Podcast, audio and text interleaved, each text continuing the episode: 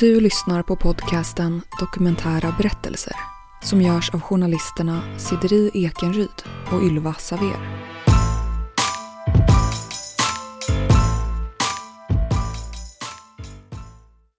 Wow. Här är morfar när han är så här ung. Och den här hittade jag i Riksarkivet. Wow. Ehm, och Hanna visar oss bilder på sina släktingar. På en av bilderna ser vi hennes morfar, Mikael. Han är klädd i kostym och ser in i kameran med stadig blick. Han kom till Sverige 1945 och Hanna ska i det här avsnittet berätta hans historia. Och trots att det har gått lång tid, det har gått 75 år sedan som Auschwitz befriades, Vi kommer också höra Ingrid Lomfors, docent i historia vid Göteborgs universitet och överintendent på Forum för levande historia. Så ställer man sig fortfarande frågan, hur var det möjligt?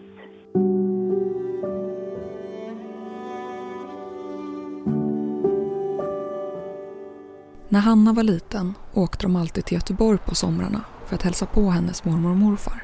Eh, och då brukade vi bila ner och morfar brukade sitta uppe från sex på morgonen och undra när vi skulle komma fram. eh, och vi kanske kom fram vid tretiden.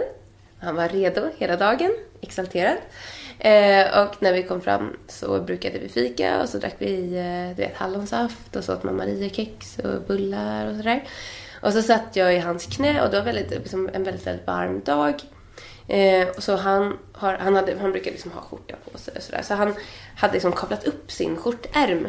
Och då ser jag eh, någonting som ser ut som en tatuering. Om man tänker på min morfar så det är inte riktigt hans stil att ha en, en, en tatuering. Så jag frågar så här, men morfar vad är det där för någonting? Så här, jag ser ett nummer. Och då blir han liksom jättestressad och så säger han så här, det är mitt telefonnummer. Och så viker han ner skjortärmen. Och så har han svarat min lillebror och liksom mina kusiner också. Att han vill inte säga. Så. Um, så. Och så går han in i köket och så går mamma efter och då säger min mamma så här, men då får vi berätta för Hanna. Och sen så börjar de prata på jiddisch. Och så hör jag liksom att det är lite upprörd stämning sådär.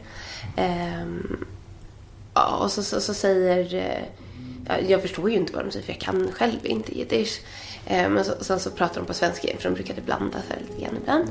Och så säger, eh, ja, så säger min morfar så nej men jag tycker han är för liten, du får berätta sen för henne, det får du göra Rosie.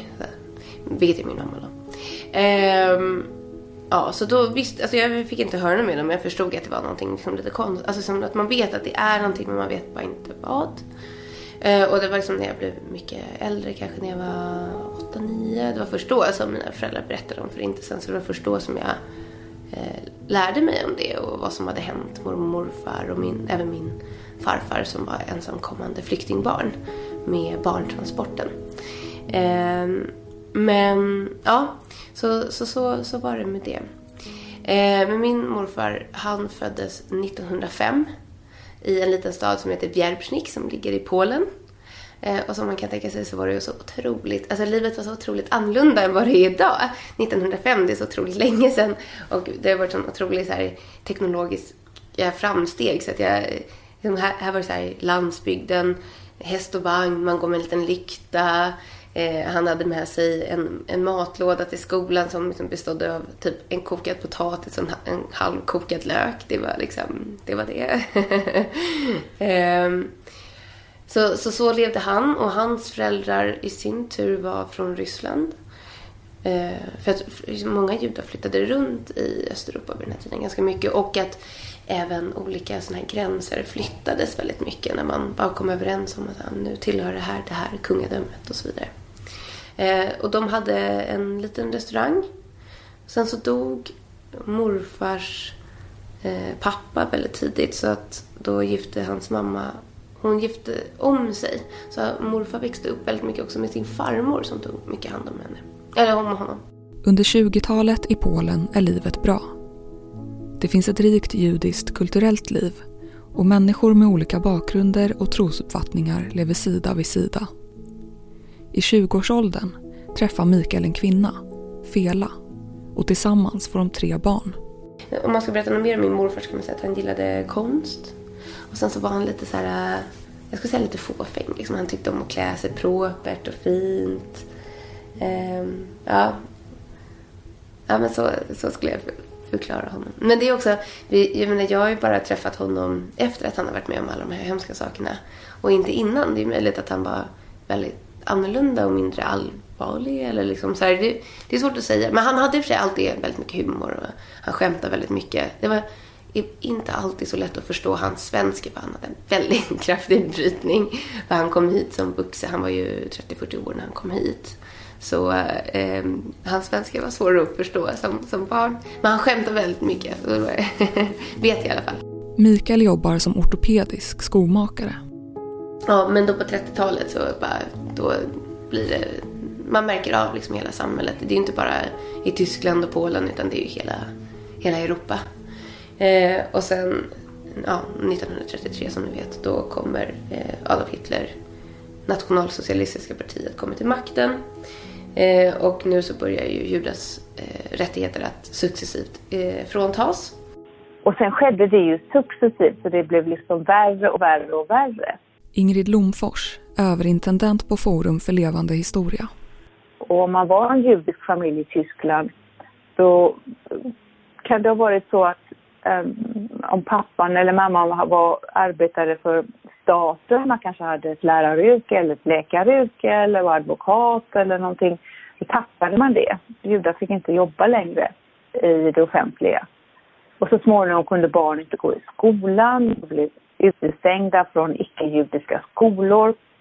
Och man kan ju säga då att från 33 ända fram till, till det att deportationerna började och den tyska utrotningspolitiken verkligen sattes i verket så blev det ju successivt bara sämre och sämre och sämre.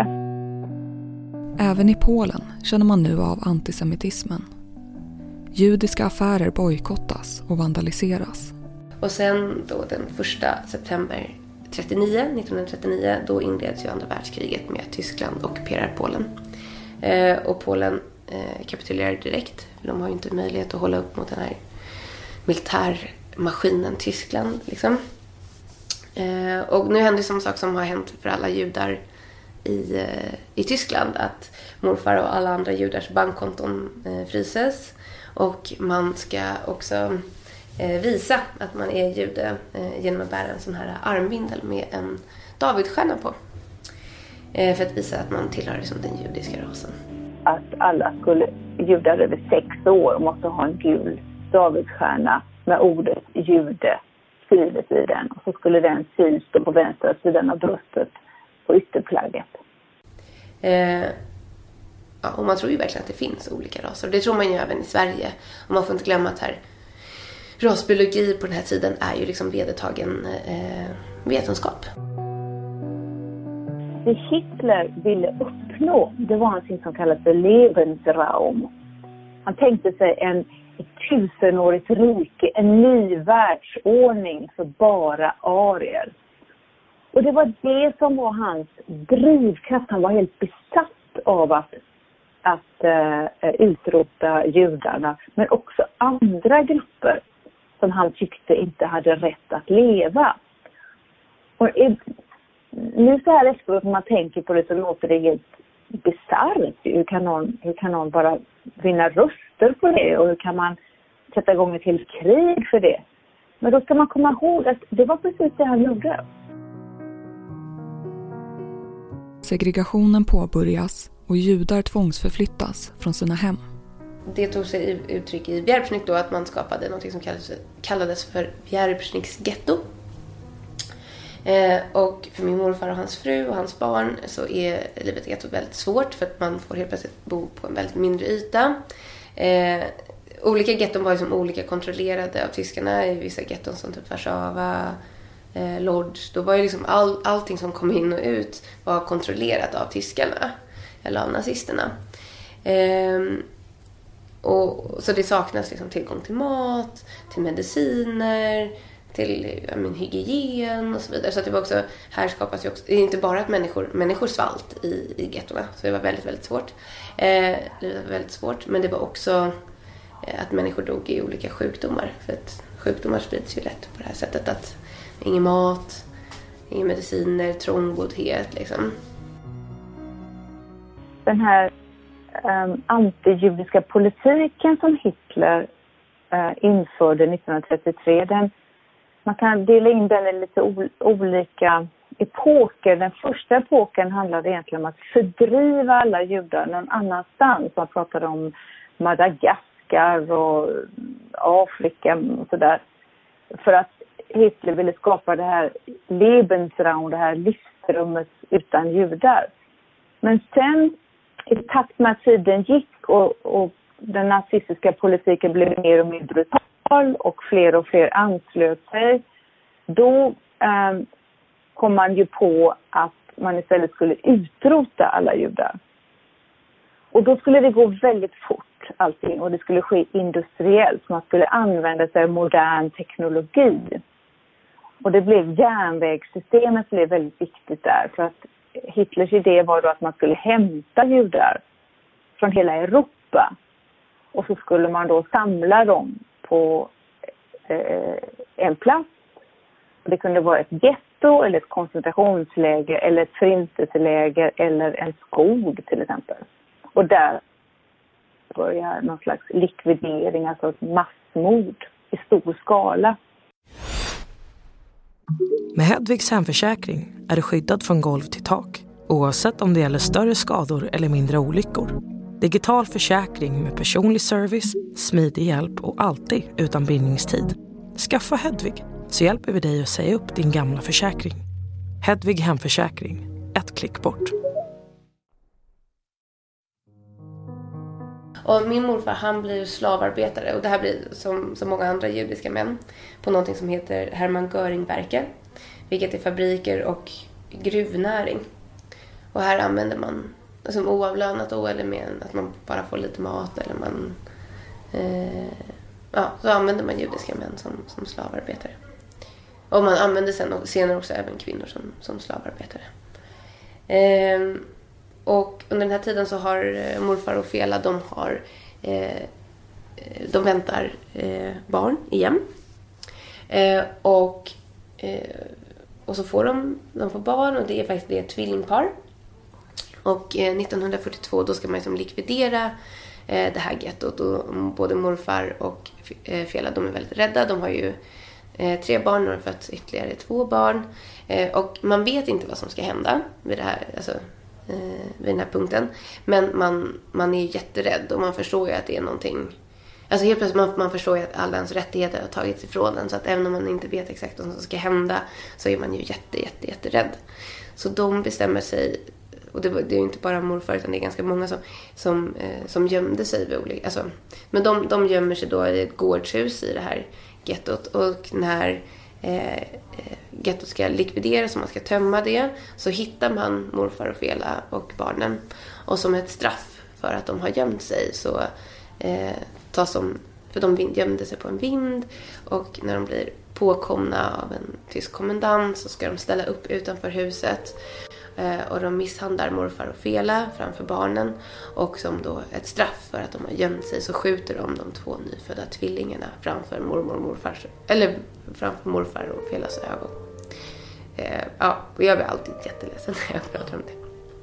För det är så otroligt grymt. Det är så otroligt, otroligt grymt. Och sen så efter att eh, ja, de börjat beskåda det här så kastas de upp på varsitt flak Fela med barnen, de tre resterande barnen och morfar för sig.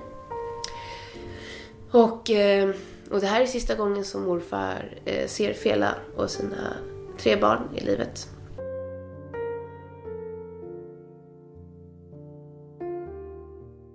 Mikael fick aldrig veta vad som hände sin familj. Men ryktet sa att de deporterades till Treblinka 2. Ett förintelseläger som var uppfört som ett transitområde för att inte väcka misstanke hos de som deporterades dit. I ankomstområdet hade man inrättat en perrong med tågtidstabeller, falska skyltar och en biljettlucka. Det var liksom verkligen som en fabrik så du gasades ihjäl, sen brändes du upp. Så det var liksom, efter fem timmar så var du aska. Det var så, ja, det är så otroligt, otroligt grymt. Och framförallt om du då var kvinna med barn eller om du var gammal. Liksom, det var ju framförallt då som man eh, ja, mördades direkt för då hade du liksom inget värde överhuvudtaget. Eh, men min morfar, han skickas till Auschwitz. Eh, och eh, i Auschwitz så, eh, där rakar man av eh, så kallade fångarna. Eh, alltså, men en fånge tycker jag, det är egentligen lite missvisande för en fånge är oftast någon som har haft en rättegång. Någon som har gjort någonting fel och som har dömts för någonting. Det är en fånge. Men det här är ju det enda brottet som min morfar har begått. Är att han är född jude. Det är liksom det enda. Eh, så här, och de som kommer med lite tillgångar, här tas liksom det också ifrån. Du får inte äga varma plagg. Och det är ju alltså fruktansvärt kallt. När judarna kom till Auschwitz så eh, tillämpade man också någon slags slavarbetarsystem. Så de som ansågs vara tillräckligt friska och starka, de skulle man då eh, utnyttja som slavar medan andra skulle mördas omedelbart. Och, och, för att hålla ordning på det här hela det systemet så då eh, tatuerade man in då ett nummer.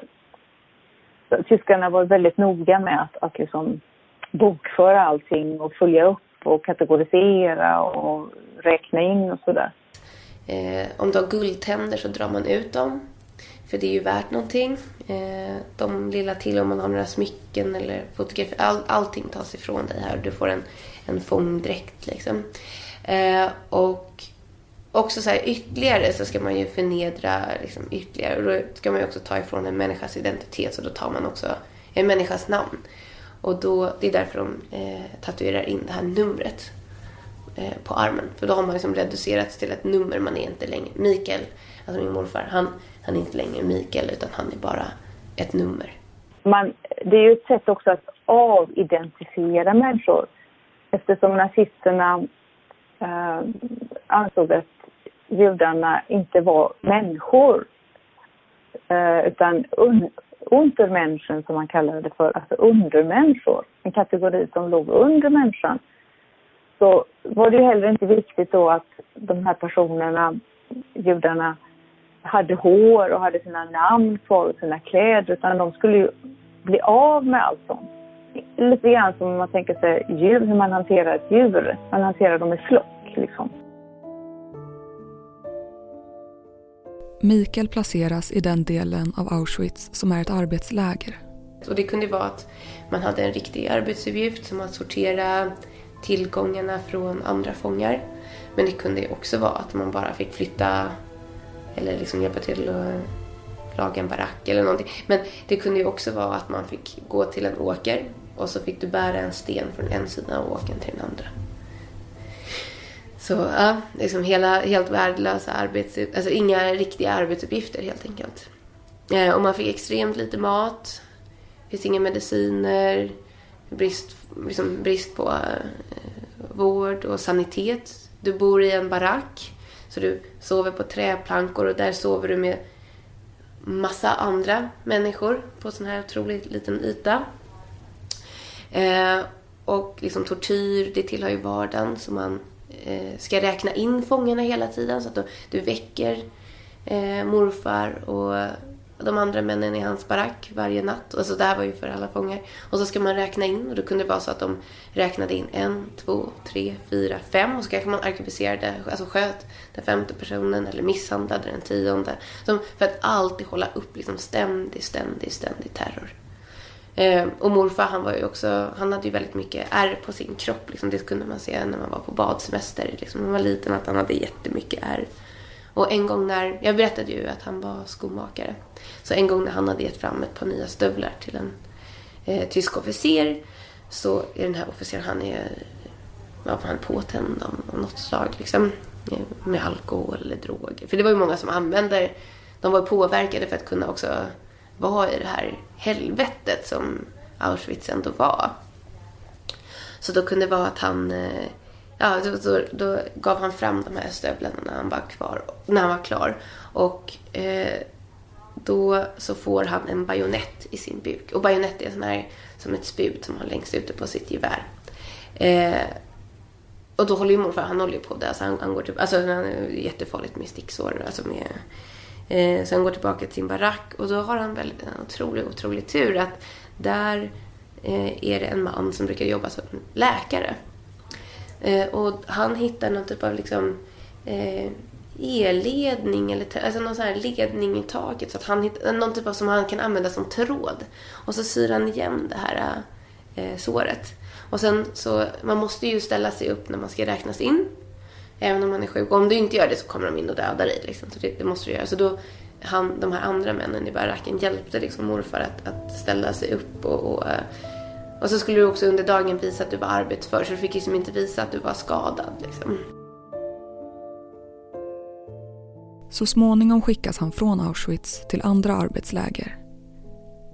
Det är i slutet av kriget och Mikael är med i det som kallas för dödsmarscher. Alltså tyskarna blir mer och mer desperata. För de har ju liksom på sin agenda i Wannsee-konferensen 42 så kommer man ju fram till den slutgiltiga lösningen som handlar om att man faktiskt ska Eh, mörda judar. Eh, så då har man ju att det är väldigt många människor som ska, som ska dö. Eh, det är ett tvåfrontskrig och till slut så går det ganska dåligt för tyskarna och då blir de mer och mer eh, desperata. Så det man gör eh, är att man tar ut människor på eh, långa marscher för då behöver du inte använda någon eh, vad heter det, kulor i pistolerna, ammunition för det kostar pengar. Du behöver inte gasa människor utan människor är så trötta vid det här laget så de dör ju liksom av sig själva. Och då är det att man Eh, du kan gå i från tidigt på morgonen till sent på kvällen eller ett helt dygn liksom, alltså utan mat och vatten.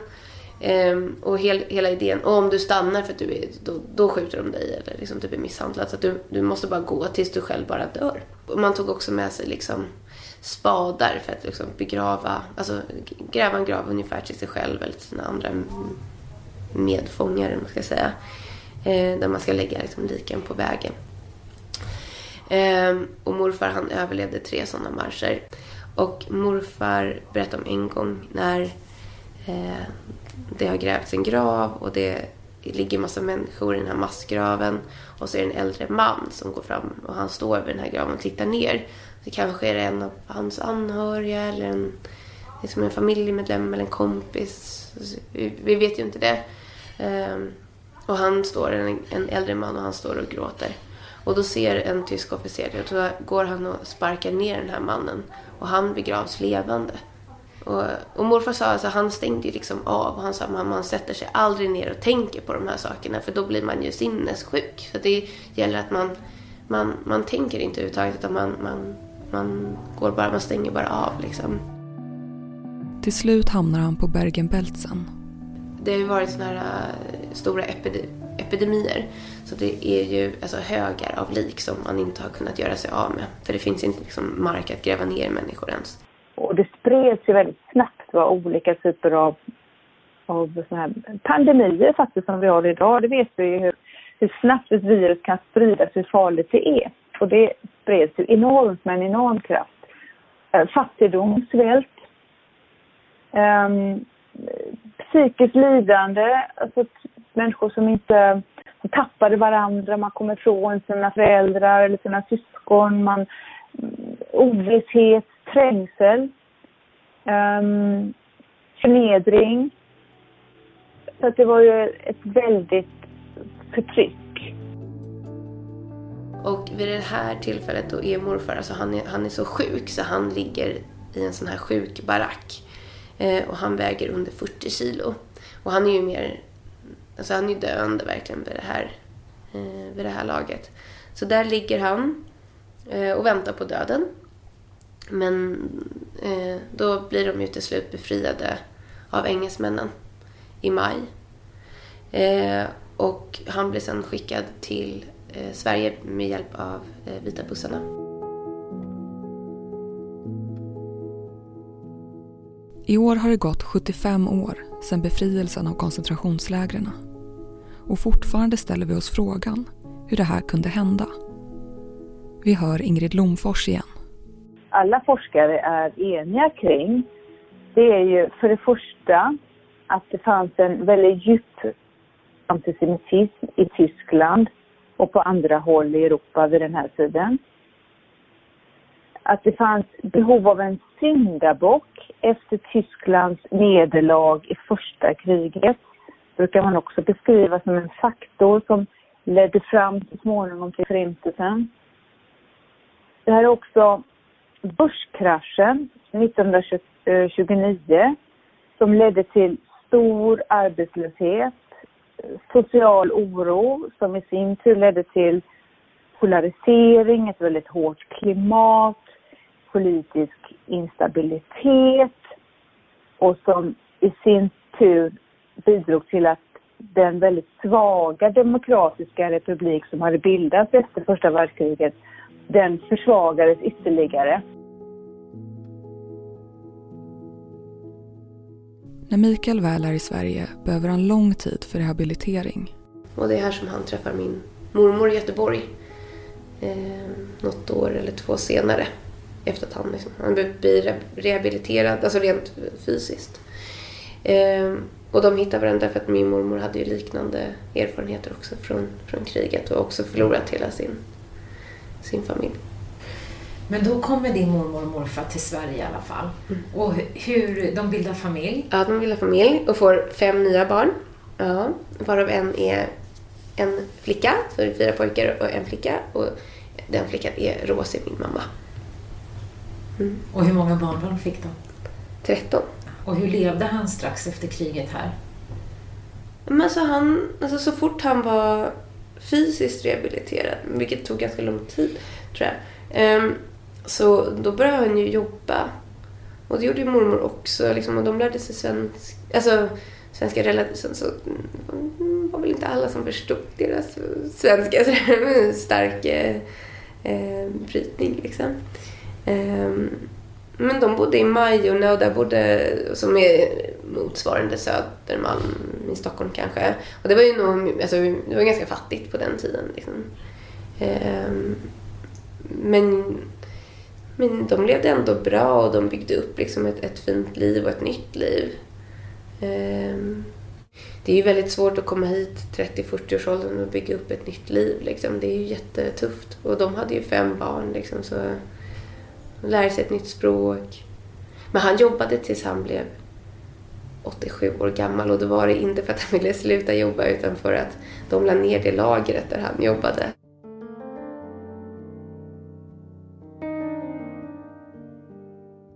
Vi undrar hur Hanna, som barnbarn, själv påverkats av Mikaels historia. Alltså jag tror att man, alltså det har nog påverkat mig att jag alltid är ganska eh, pessimistisk på ett sätt. Och jag, alltså, det är inte det sista folk, alltså förintelsen är inte det sista folkmordet som vi har sett. Och det kan hända, och sen så, hur, och det kan hända igen. Och det kan vara judar som är offren, men det kan också vara andra folkgrupper. Så jag, jag ser ju hur människor, alltså islamofobin idag i Europa är ju, i Sverige och Europa, är, är så frukt, och inte bara i Europa, i USA, i många länder är så fruktansvärt, fruktansvärt stark. Man, kan ju, man har ju gjort en del undersökningar, det görs ju hela tiden undersökningar hur man, hur man upplever antisemitismen. Dels hur den faktiskt är, om den växer eller om den blir starkare eller svagare eller hur den är i relation till andra rasismer. Eh, men sen har man ju också gjort på senare år en del undersökningar om hur judar i Europa upplever antisemitismen. Och där kan man ju se väldigt intressant att svenska judar upplever att antisemitismen har blivit farligare idag än vad den har varit tidigare. Eh, jag vet att man gillar att säga att det finns här eller det finns där. Men, men min upplevelse där jag har upplevt antisemitism det är framförallt bland liksom svensk överklass. Och välutbildade, intellektuella, rika människor. Att man var på en fest Sen har alla druckit lite grann. Och sen någon, en, någon kanske blir jättefull och helt plötsligt så hör man jävla jude. Eller något väldigt tråkigt skämt om att man ska akta sig för duschen, vilket är gaskammaren då. Eller något annat. Eller så, äh. också eh, antisemitisk sexism. Tycker jag, det har man ju varit med om. Alltså så här, jävla judehora. Eh, också har jag upplevt att så här, ehm, eh, upplevt också att män har, har tagit, tar sig ibland friheten att kanske ta på min kropp. För de ser inte mig som du vet, sin syster eller sin svenska mamma utan jag är någonting lite exotiskt där. Så då har man också lite extra rätt. Alltså då kan man ta sig lite extra friheter. Um, och det har jag också hört på, på liksom Stureplan, man är ute så här. Har är du judinna? Men judinnor är så bra i sängen. Ja, vad fan betyder det liksom?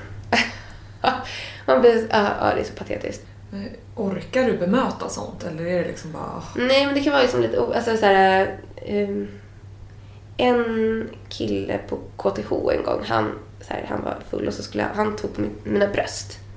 Och då blir jag väldigt, väldigt arg, men man blir också väldigt chockad och lite skärrad när någonting sånt händer.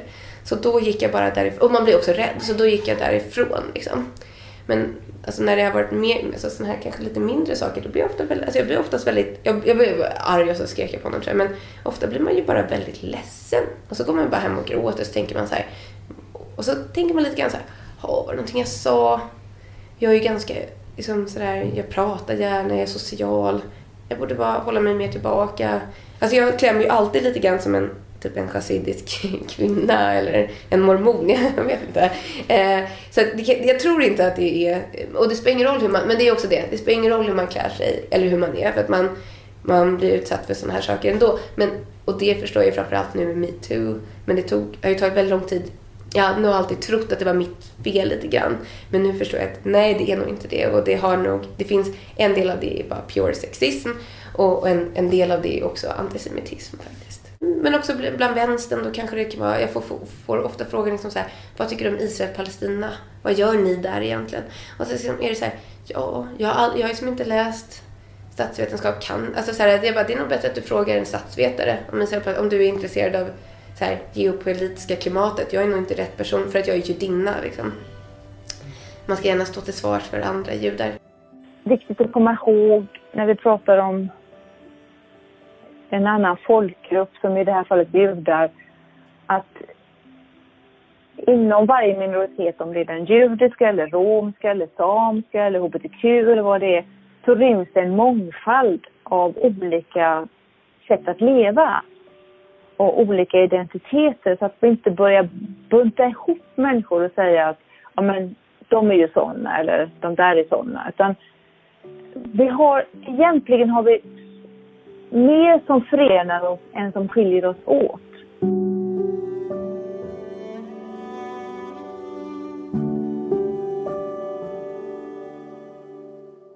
Du har lyssnat på avsnittet Min morfar överlevde Auschwitz.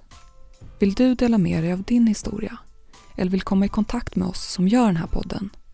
Mejla till kunskapsstudion gmail.com.